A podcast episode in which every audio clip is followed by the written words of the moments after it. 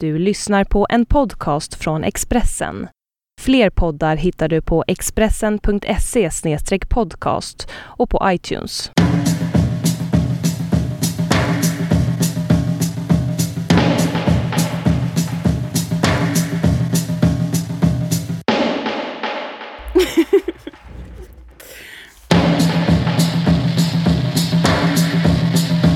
Det här är en Varg söker sin podd med mig som heter Liv Strömqvist och dig som heter Caroline Ringskog Verrada Noli.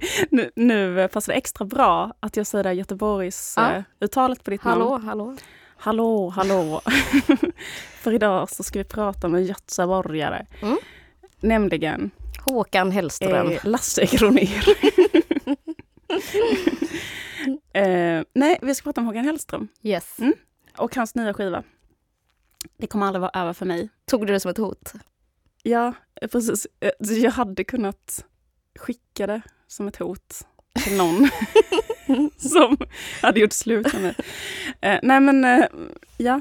Vad tyckte, vad tyckte du om skivan? Eh, jag tyckte den var väldigt bra faktiskt. Mm. Jag, är ett, jag är ett lojalt fan. Jag tycker han är väldigt... Han är en stor konstnär anser jag. Ja, som med de andra skivorna, typ så här, liksom läst texterna och känt massa saker och typ gråtit en del. Ja, jag, jag tycker det... Jag tror bästa låten är den där om... Vad heter den? Frihet? Jag, Fri till slut. Fri, fri Mm. till slut. Den verkligen talade till mig. Ja, den var jättebra. Det var också min eh, favorit. Varför det? Eh, jag tyckte den var fin bara. Mm. Free at last, finns inte det en, eh, är inte det en, någon slags eh, gospellåt? Eller något. Skit i det. Det vet jag inte. Det borde jag ha kollat. Men den har mött en del kritik den här plattan också. Eller Håkan Hellström som person får man säga har mött en del kritik. Mm. Om att han inte redovisat lön eller att han inte att han, är, att han spelar på vara underdog, skriver texter om det och att han inte är så biografisk i sina texter. Ja precis, väl var, kritiken har väl varit lite grann att, eh, att han är eh, så jätte... För han är ju en av Sveriges mest framgångsrika artister får man säga ändå. Och Mm. eh, har, är väldigt så här, älskad av alla och så. Och sen så Mm. är det som att... Jag tror kritiken har gått ut på så att, att om man har så mycket pengar eh, och förmodligen så eh, kanske bra boende och så som han har. Så kanske, man, så, så kanske någon har blivit provocerad för att han har skrivit så här, jag har ingenstans att bo, kanske sjunger en låt till exempel. Ja, Och då sjunger mycket om rännstenen, Ja, rapport, rapporter därifrån. Ja precis, och, och till exempel, eller kanske så här, ehm, ingen älskar en om man är ensam.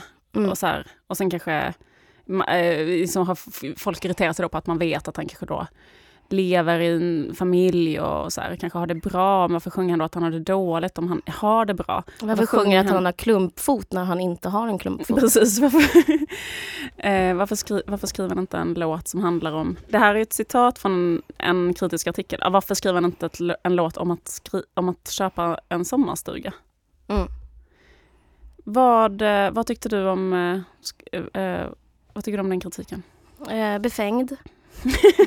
Är det för att du är sånt, hå- du är sånt slaviskt Håkan?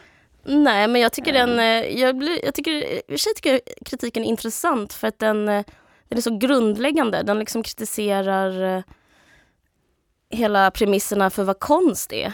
För innan har, känns det som att det finns en konsensus fram tills, ja, jag vet inte om det var nu, men i alla fall som är så här, konst är att få vandra fritt i olika världar och få fantisera och eh, inte så mycket med rationella liksom, källhänvisningar få berätta någonting utan mer så här, emotionella eh, referenser. Och så, jag, jag hade faktiskt på riktigt svårt att förstå kritiken för att jag tänker att så här, men det, det är emotioner och liksom, man kan uppleva vad som helst. Eh, man kan uppleva till exempel ett underdog-perspektiv.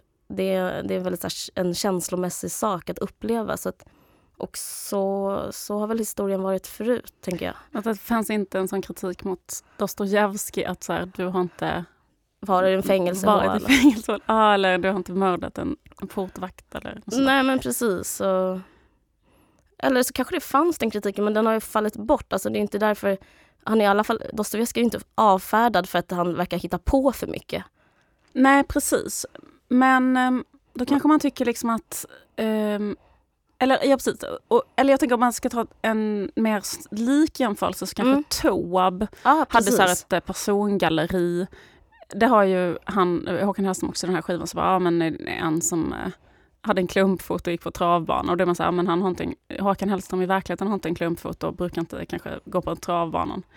Varför eh, sjunger han det då? Mm, och Taube hade väl också, Taube levde väl också en ganska så här härlig familj med många barn och och liksom, eh, och, och, men ändå sjöng han kanske om att så här, vara ensam i Rio och gå till en hora typ. Ja, han sa att han hette Fritiof ibland.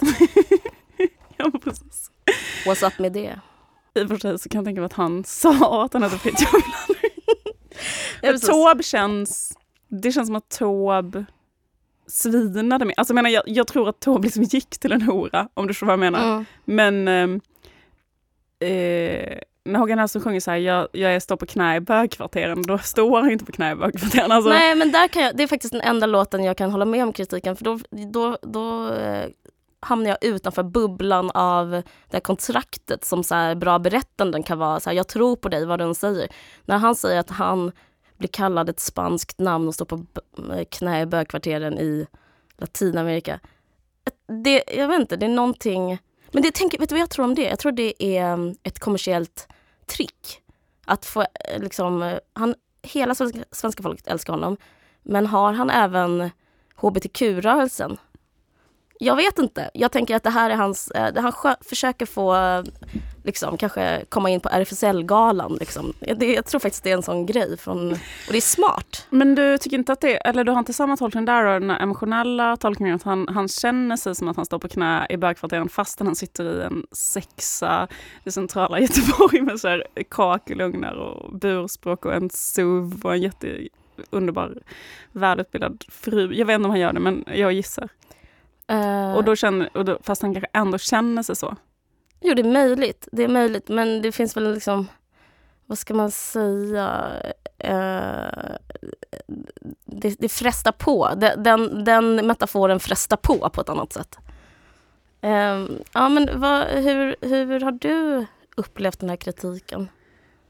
Um, um, jag tyckte faktiskt att kritiken var rätt så uh, dålig också. Eller den kritiken var ju jag är jävligt irriterad på ett slags fenomen som jag tycker att allt fler håller på med i eh, media. Och det är så här, eh, eller när jag, när jag menar, när jag säger allt fler, så menar jag liberala skribenter.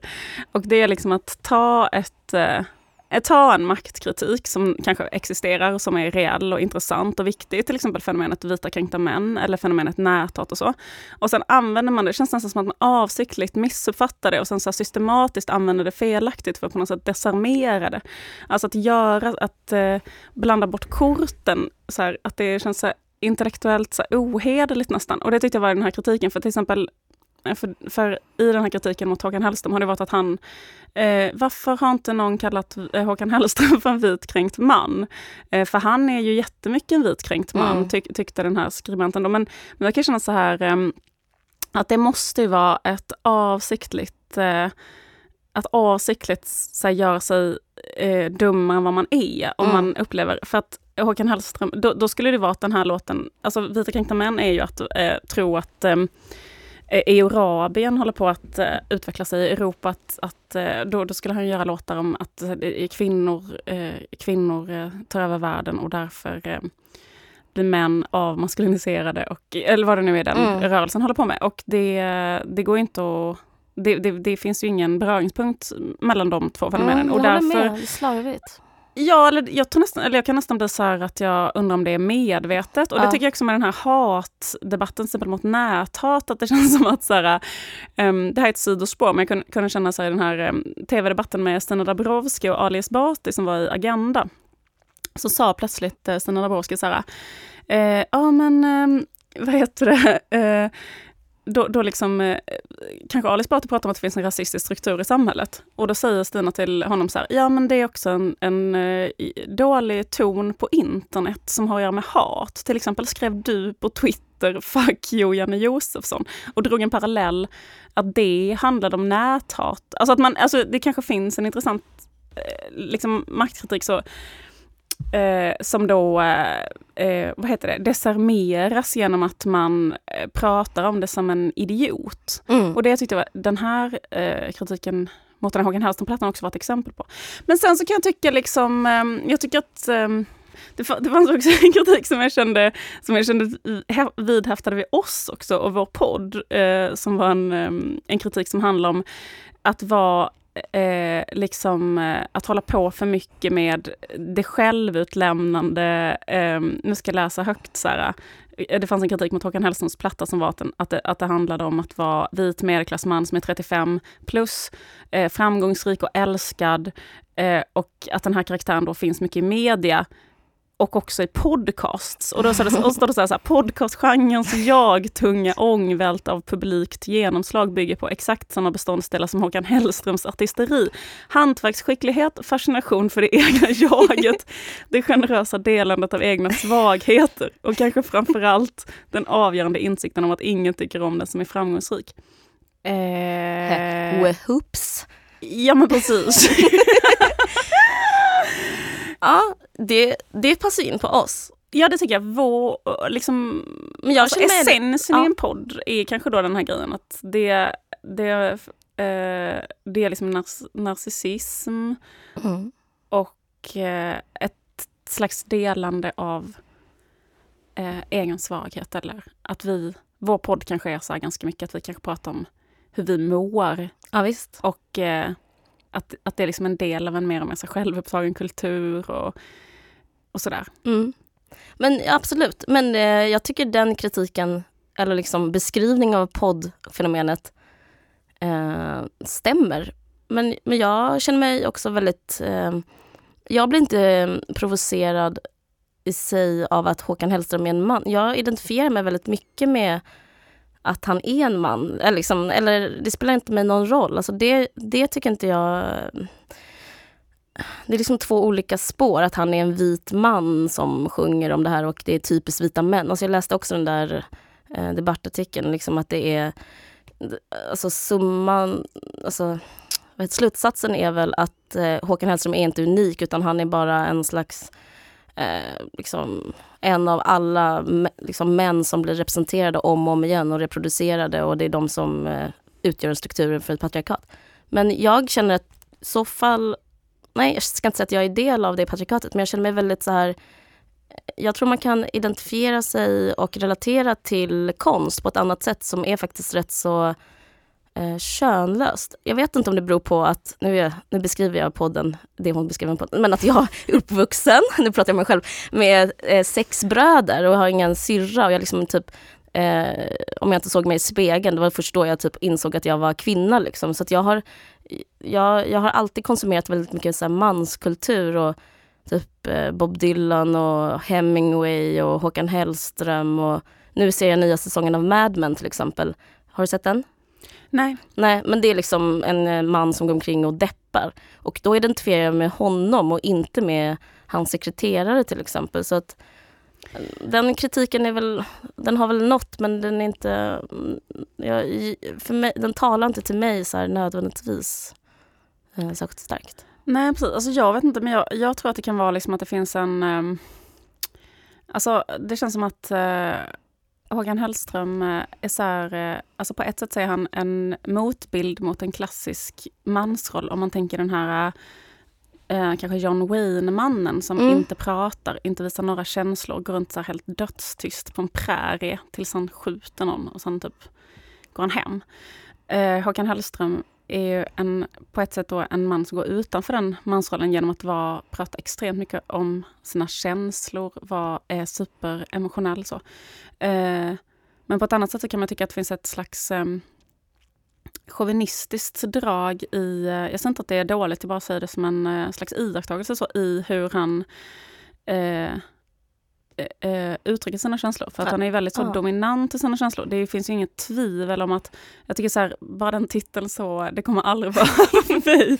Punkt. För det är ju någonting som, till exempel den här, den här österrikaren som stalkade Agneta Fältskog till exempel, hade kunnat sitta och peppa eh, inför sin stalking med den låten. Så här, Nej men det spelar ingen roll vad du säger Agneta, för att för mig kommer det aldrig vara över, punkt. Alltså, det finns någonting att Ja, det finns någonting att, absolut. att vara väldigt så, övertygad om att man själv... Nu, nu, nu, eh, nu eh, säg inte att detta är... eh, Det finns också det här med emotionellt eh, utrymme, alltså att ja, han bara tar att, platsen. Ja men precis, alltså, att, att, att, eh, Och det finns ju fler eh, exempel på det, att vara eh, liksom, övertygad om att eh, mina känslor är sanningen, och punkt. Och, eh, för det, och det liknar ju den, alltså en viss typ av romantik. För Mm. att han representerar ju någon slags här, eh, traditionen då av en slags här, patriarkal romantik. Absolut.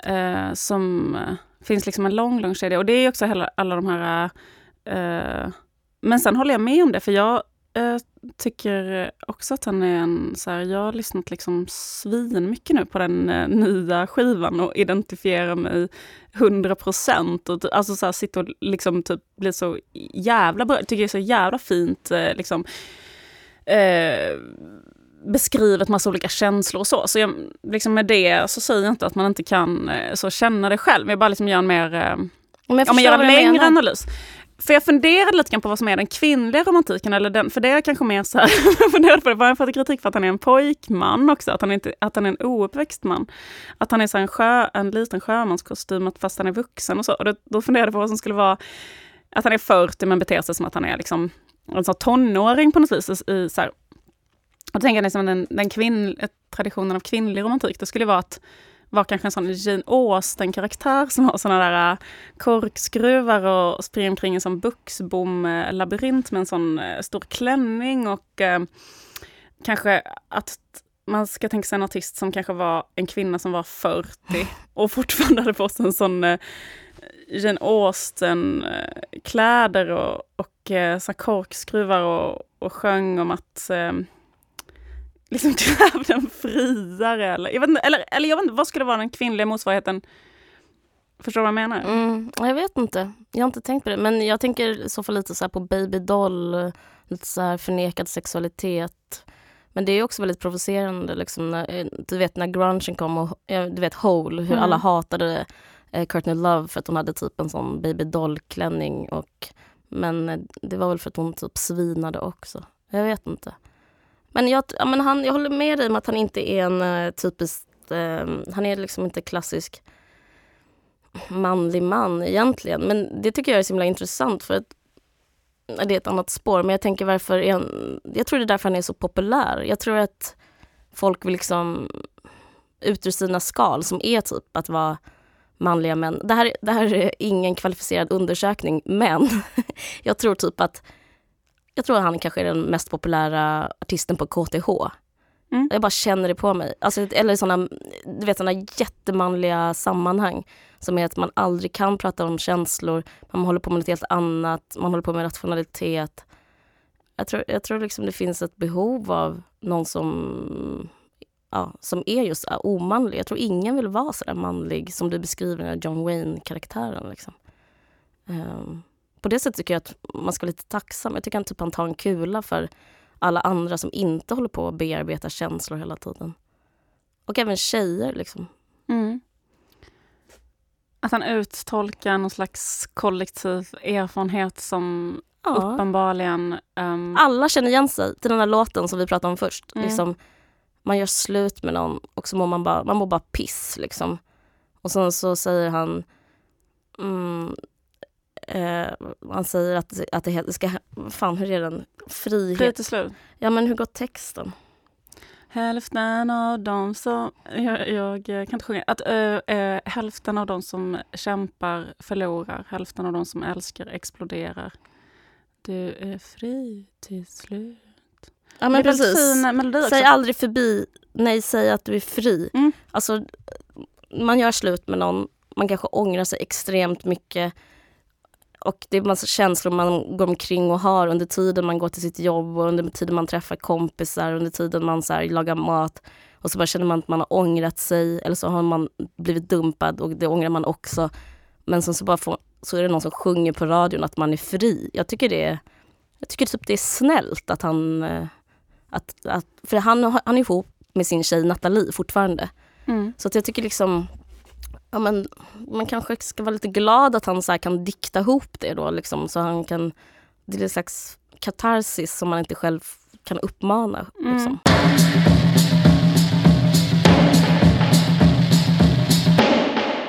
Alltså det är någonting med, tycker jag, alltså den där grejen att, eh, att det är jävligt många konstnärer och artister och så som eh, att det är väldigt vanligt att liksom skapa utifrån eh, typ en känsla. Eller ganska Mm. många som har typ exakt samma slags känsla som grunden för allt sitt konstnärskap. Mm. Så är det med honom, liksom att det är en viss känsla som är den här grejen att vara så här, en sentimental, typ jävligt romantisk tonåring. Man eh, liksom eh, går hem på natten Typ på trottoaren och har inte fått typ hångla med den man ville hångla med. Det Mm. är typ hans. Mm. Och sen, det är jättemånga artister som är så. Robin är så här, det är den här grejen att vara på disco och eh, precis har blivit dumpad och inser att man aldrig mer kommer få bli ihop med den man egentligen är kär liksom Alla hennes låtar handlar nästan om det. Och, Ja. Eller liksom att alla, alla liksom, eh, att det finns en sån eh, smärtpunkt, om man ska säga, som blir liksom grunden för eh, det man berättar om sen resten av sitt liv kanske. Och det kanske är så väldigt starka upplevelser som man formas av tidigt. Det kan jag känna igen mycket själv.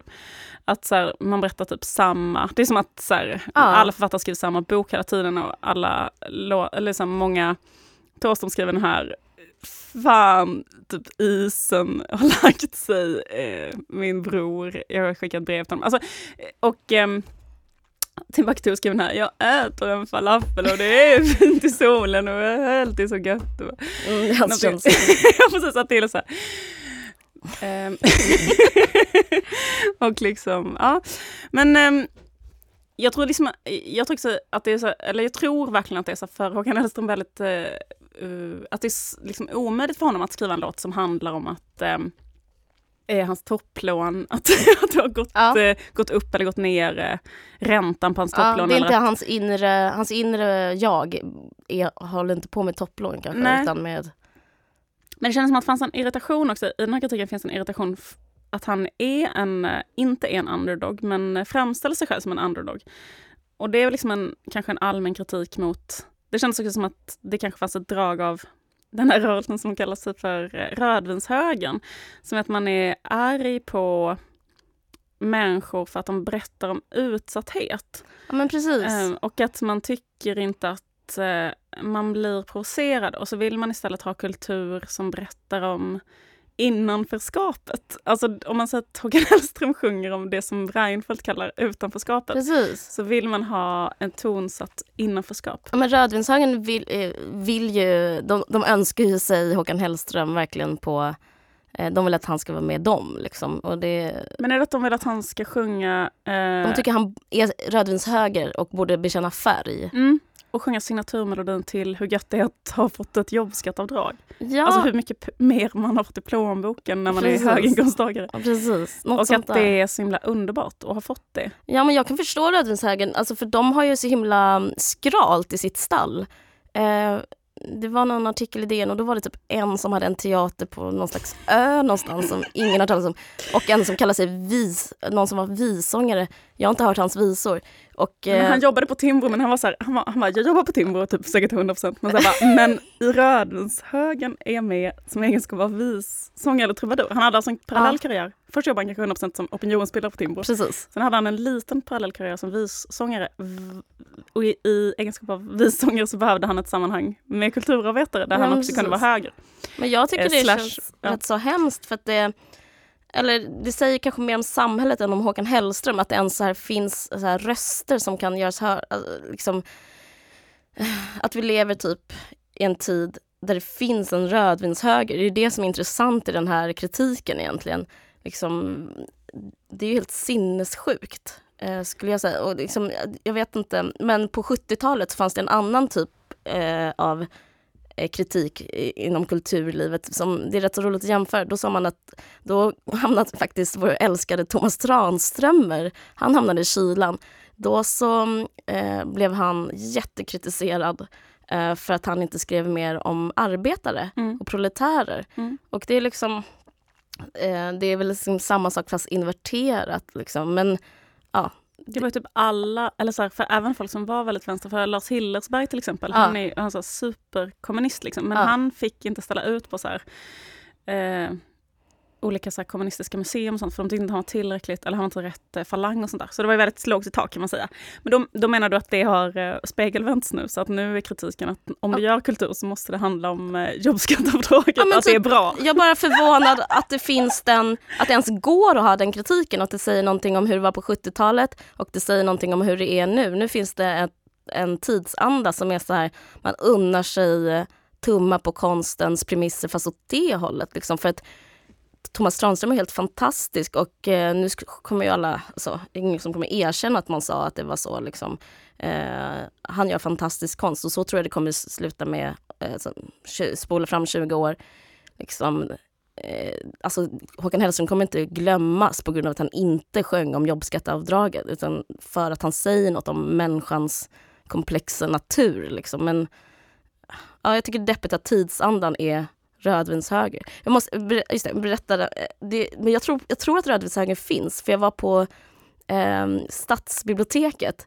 Alltså, ja, precis, för jag, jag såg att de hade bara 11 likes på Facebook, så Ja. jag tänka att de kanske inte fanns. Men berätta, du var på Stadsbiblioteket. Ja, och då fanns det liksom ett coolt klotter på toan där eh, som var eh, social mobilitet nu. Och det är rätt så eh, intressant, att det liksom inte så klasskamp eh, eller så krossa någonting utan att man så ska vandra med, e- med sina egna medel.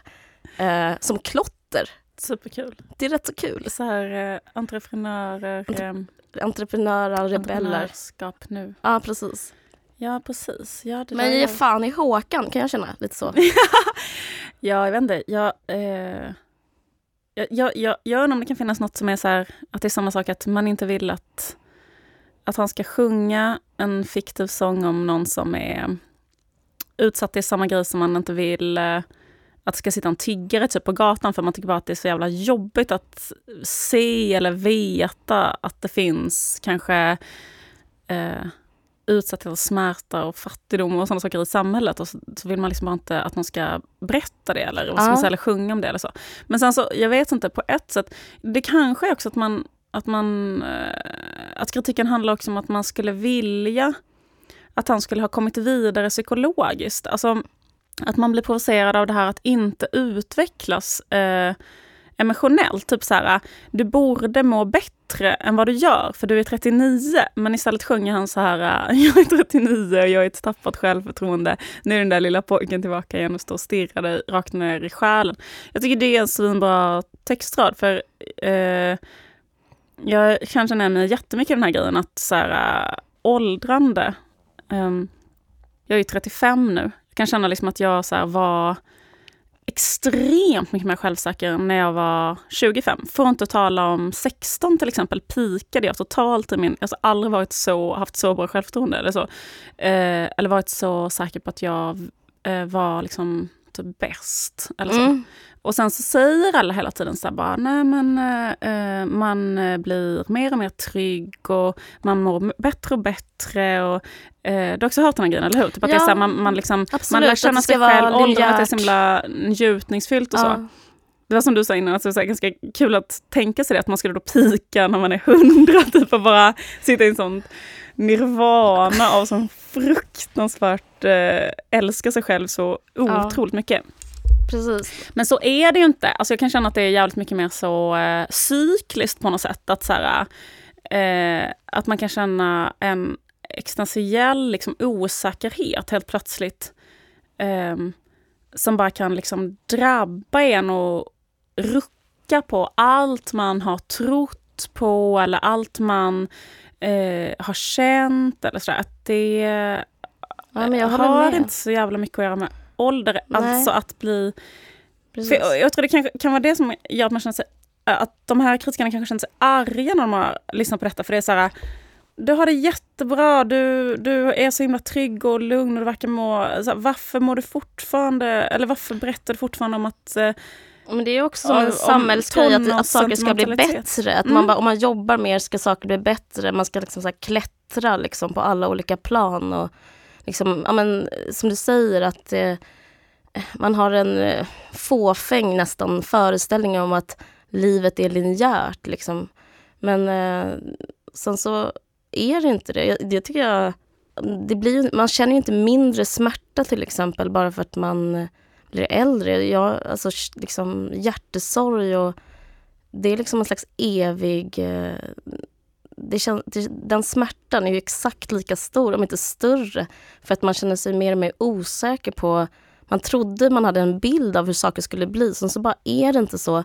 Och allting bara rasar. Liksom. Så, så tycker jag att det är att äldre, bli äldre. Apropå det här med podcast som eh, fläcker ut. Nej, men, Nej men jag tycker det och jag tycker Ja. så här, där, jag håller med om att det är en väldigt så bra textrad man så här, med 39 och, och kanske ifrågasätter allt istället. Som, som när du var 16 och jag var 14 och vi lärde känna varandra. Då, då var ju vi rätt så säkra på att allt skulle gå bra. Sen så bara när man sätter 39 och typ vet ingenting om Mm. någonting.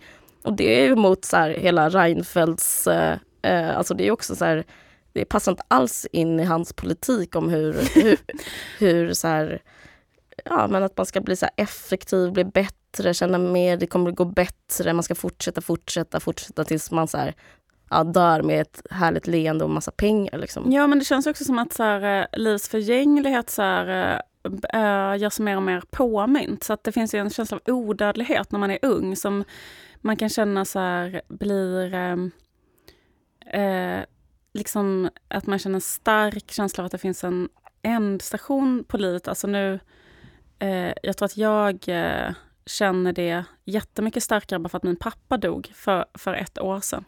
Och då tror jag att man får en existentiell känsla som är så här, aha, men livet kommer också ta slut och det finns liksom att döden existerar som en realitet på ett helt annat sätt. Och, och allt som du eh, har fått ska tas ifrån dig också. Alltså en slitas bort, liksom en del i taget på något sätt. Alltså typ om man tänker alla de sakerna som är pengar, eh, ditt utseende kommer att förfalla, liksom du hade en snygg röv, den kommer tas ifrån dig. Liksom smärtan, smärtan i det är ju liksom stor. Och, eh, och du kanske hade pengar men det kommer inte spela någon roll för du kommer ändå dö. Och eh, du kanske hade framgång men det spelar ingen roll för du kommer ändå dö. Alltså så här. så jag, jag bara menar att jag kan inte riktigt se att det skulle vara att man, att man automatiskt skulle må bra eller så bara för att man hade en viss ålder eller en viss situation eller en viss... eh, För jag tänker också det där att det finns också någon slags myt om att man skulle må bra för att man har en kärnfamilj till exempel. För det är också den kritiken då, liksom att så här, eh, varför skriver han inte om att eh, han har ju ett förhållande, då är man ju glad. Men jag menar, så är det ju inte alls. Alltså han håller ju, alltså han skrivit, jag tycker att han beskriver ganska bra hur det är att leva i en kärnfamilj. För att han, eh, en rad är så här, livet håller mig i ett fast grepp om kulorna. så känner jag mig exakt. Alltså den grejen att liksom vara så här eh, totalt kontrollerad av en yttre omständighet som är typ det reproduktiva arbetet, eller vad man ska kalla det. Eh, som är att leva med barn till exempel, eller så här, leva ett så här, eh, nu så tror jag för sig att han gillar det, kanske mer än liksom eller han säger ju alltid i intervjuer så att han älskar att bo i en kärnfamilj. Så, förlåt, nu tolkar jag honom biografiskt i alla fall. Det var ju det man inte skulle göra. Men, eller liksom, men, Nej men jag håller med. Jag håller med. Eh, jag tror också, jag tror, eh, jag tror det är kritik, man blir provocerad av honom eh, för att han liksom avslöjar att det inte är, att liksom det du säger nu, liksom, allting bygger ju på typ att kärnfamiljen kärnfamilj ska vara bäst, man ska bli så lugnare, man ska inte man ska inte bli, om man är rastlös och ung och sökande så ska man sluta med det. Liksom. Då ska man bara så här, man ska man ska settle down, man ska hitta en livslång partner, man ska få barn. Eh, och, och typ om inte alla tror på det, om folk börjar så knacka på det så får, så får man väl ångest. Det är kanske det den här kritiken handlar om.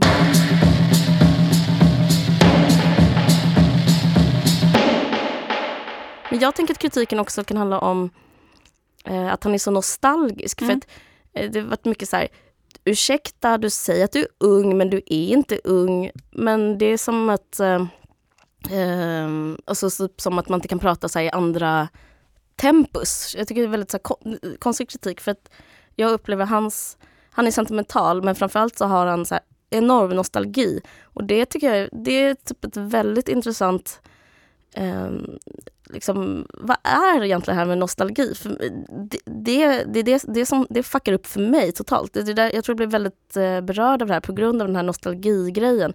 Jag känner mig, att gå in i de tankarna är liksom eh, eh, det, då försätts man i den här smärtan, liksom, eller då försätts man i den lyckan och den lyckan existerar inte nu. Man ser tillbaka på hur det var när man var 20, man kanske haft ett bra förhållande, man tänker på det, man tänker på kärlek, man tänker på inte på den kärlek man fått. Och liksom, det går inte så här skilja på verklighet och fantasi. Eh, och det är liksom såna, det är såna hål tror jag som alla människor har som man liksom hela tiden försöker att inte ramla ner i, man försöker parera alla såna typer av tankar. Eh, så det är väl därför också man vill att han ska skriva om en, att han har köpt en sommarstuga. För det är det man har själv. Man bara, men nu har jag ju köpt en sommarstuga. Jag har köpt en sommarstuga. Varf, varför ska jag då behöva tänka på hon jag var egentligen älskade och sen så blev vi ihop med min fru för, men jag gjorde fel. Typ. Den här grejen att man ångrar sig är ju väldigt så här, oaccepterad i vår mm. kultur. Det är ju sådär, man ångrar, man ska bara ångra det man inte gjorde, finns en stämning som är men så, det är ju inte sant. Liksom. Nej, men det är väl också för att det liksom, finns en, eh, en inbyggd omöjlighet i, det, liksom, i den romantiska ideologin. På ja, sätt. Att det, ja. finns en, det finns en... Därför att det, det går inte. Liksom, till exempel den här grejen att som att... Eh, jag menar, du sa så här, man var kär i någon och sen så eh, gifter man sig inte med den utan man gifter sig med sin fru. Men snarare är det väl så att man var kär i någon och sen gifter man sig med den och sen när man skaffat en kärnfamilj så är man inte kär i den längre. Mm. Utan man lever bara tillsammans, man känner en tristess, man känner en, alltså man behöver en nostalgi som är liksom knarka, nostalgi liksom. Så här. Men jag vet inte riktigt, för det kan vara så här, um, Ja, jag tror, för, whatever, men, alltså, när jag, men när jag, när jag, lyssnar, helst, liksom. när jag lyssnar på Ganasson så fattar jag lite grann också varför musik var förbjudet typ i vissa, ja. eller varför det var förbjudet i, eller är förbjudet i vissa så religiösa, eh, alltså för att eller så här, för att man tyckte att det så suggererade fram eh, eh, för mycket känslor och för mycket typ bla bla bla. För så är det ju väldigt mycket med det är det jag menar, mm. att man mm. bara tar bort det. Liksom, det står inte ut. Det händer något med mig nu som inte får hända. Liksom. Samtidigt är det, är det, finns det inget... Nej, men jag, jag, jag funderar lite grann på, på det här, så här romantiska... För han är sån, eh, en extrem liksom, förespråkare för en slags romantisk livssyn. Och um, som... Um, jag har ju skrivit en, en bok som handlar om, om det lite grann. Mm. Att det är så vår... Att liksom det romantiska idealet på något sätt har ersatt religion i vår kultur. Alltså typ att innan 1800-talet så handlade alla låtar typ om Gud och Jesus och så. Och nu handlar alla låtar om kärlek. Och, typ att in, alltså att, och det att träffa en partner har på något sätt så ersatt idén om frälsning eller att man tror att allt ska bli bra. Eller så här, hela den grejen. Och, um, Håkan Hellströms um, hela produktion är verkligen så en, ehm, en jätte liksom, tydligt exempel på det. För han, han är nästan... Han är ju liksom... Det är som nästan andliga sånger eh, för den romantiska ideologin på något sätt. Att det finns ingenting som är sant förutom liksom, alltså, det, eller, eller typ att det här också, att kärleken övervinner döden. Eh, alltså han sjunger så här, jag ska älska dig tills jorden går under, men jag kommer aldrig att dö. Alltså typ, det är mm. ju som... Eh... Debattartiklar skrivs, hum, du kommer dö, alla dör.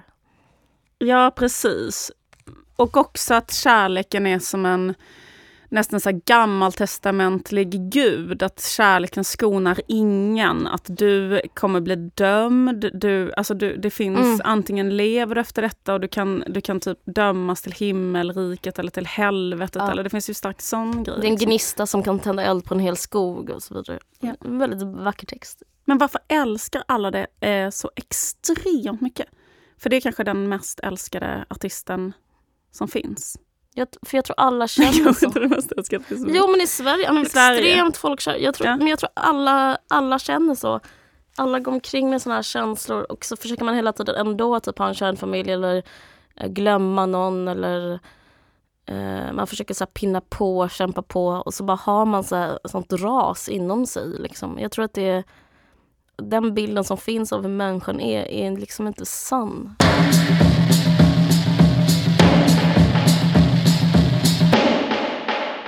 Jag läste en novell av Juna Barnes Ja, som handlar om eh, åldrande. läs. Den heter Dagboksföring i farlig ålder. Det handlar om eh, livets förgänglighet. Jag Mm. läser. Gör det. Jag måste inse faktum att jag inte är ung längre. Det här är riktat till Håkan Hellström. jag är änka, mor till två välklädda, propert utbildade, elaka döttrar. Ändå är jag svältfödd. Svältfödd på ungdom. Jag intalar mig själv att det måste finnas nya världar att erövra. Så måste det bara vara. Det är det enda rätta. Livet och årstiderna är så obevekliga, inte sant? De är här den ena dagen och borta nästa. Så storartat och hjärtlöst. Ack om den där känslolösa Einstein ändå hade fastnat för min relativitet. Tid och rum är mina fiender. Vore det inte för tiden hade jag inte varit farlig. Vore det inte för rymden så hade jag inte känt mig så begränsad. Jag tänder den ena cigaretten efter den andra och kastar ut alla i det där utrymmet utanför mitt fönster som jag en gång brukade kalla för naturen. Men nu vill jag inte kännas vid naturen. Tänk dig det här scenariet. Eh, man blir arg på Juna Barnes för hon kanske inte alls var en rökare. Och typ därför fick den dåliga recensioner. Nej men det var jättefint. Men jag måste säga en sak innan vi slutar. För jag tänker på Woody Allen väldigt mycket. När jag tänker på, Generellt eller? Ja, alltid. Nej men eh, när jag liksom läste kritiken om Håkan Hellström. För att jag tycker väldigt mycket om hans filmer och hans produktion. Men eh, jag skulle inte göra det, alltså jag menar den typ av sätt att se på konst skulle inte fungera i till exempel hans fall. Han liksom gifte sig med sin dotter. Mm. Det är liksom lite, det är magstarkt. Mm. Men jag menar, det har ju inte någonting med hans, eh, hans liv att göra. Med hans liv har det väl att göra. Men du menar hans Ah, film? Eh, hans Ja, du menar att man, man ska inte eh, tolka saker biografiskt? Nej, jag tycker absolut inte Jag det tycker bara heller. det är galet. Du har lyssnat på En varg söker sin podd med Elise Strömquist eh, och Carolina Ringskog. Och det är ett samarbete med Expressen Kultur. Ni kan lyssna på iTunes. Du har lyssnat på en podcast från Expressen. Ansvarig utgivare är Thomas Mattsson. Fler poddar hittar du på expressen.se podcast och på iTunes.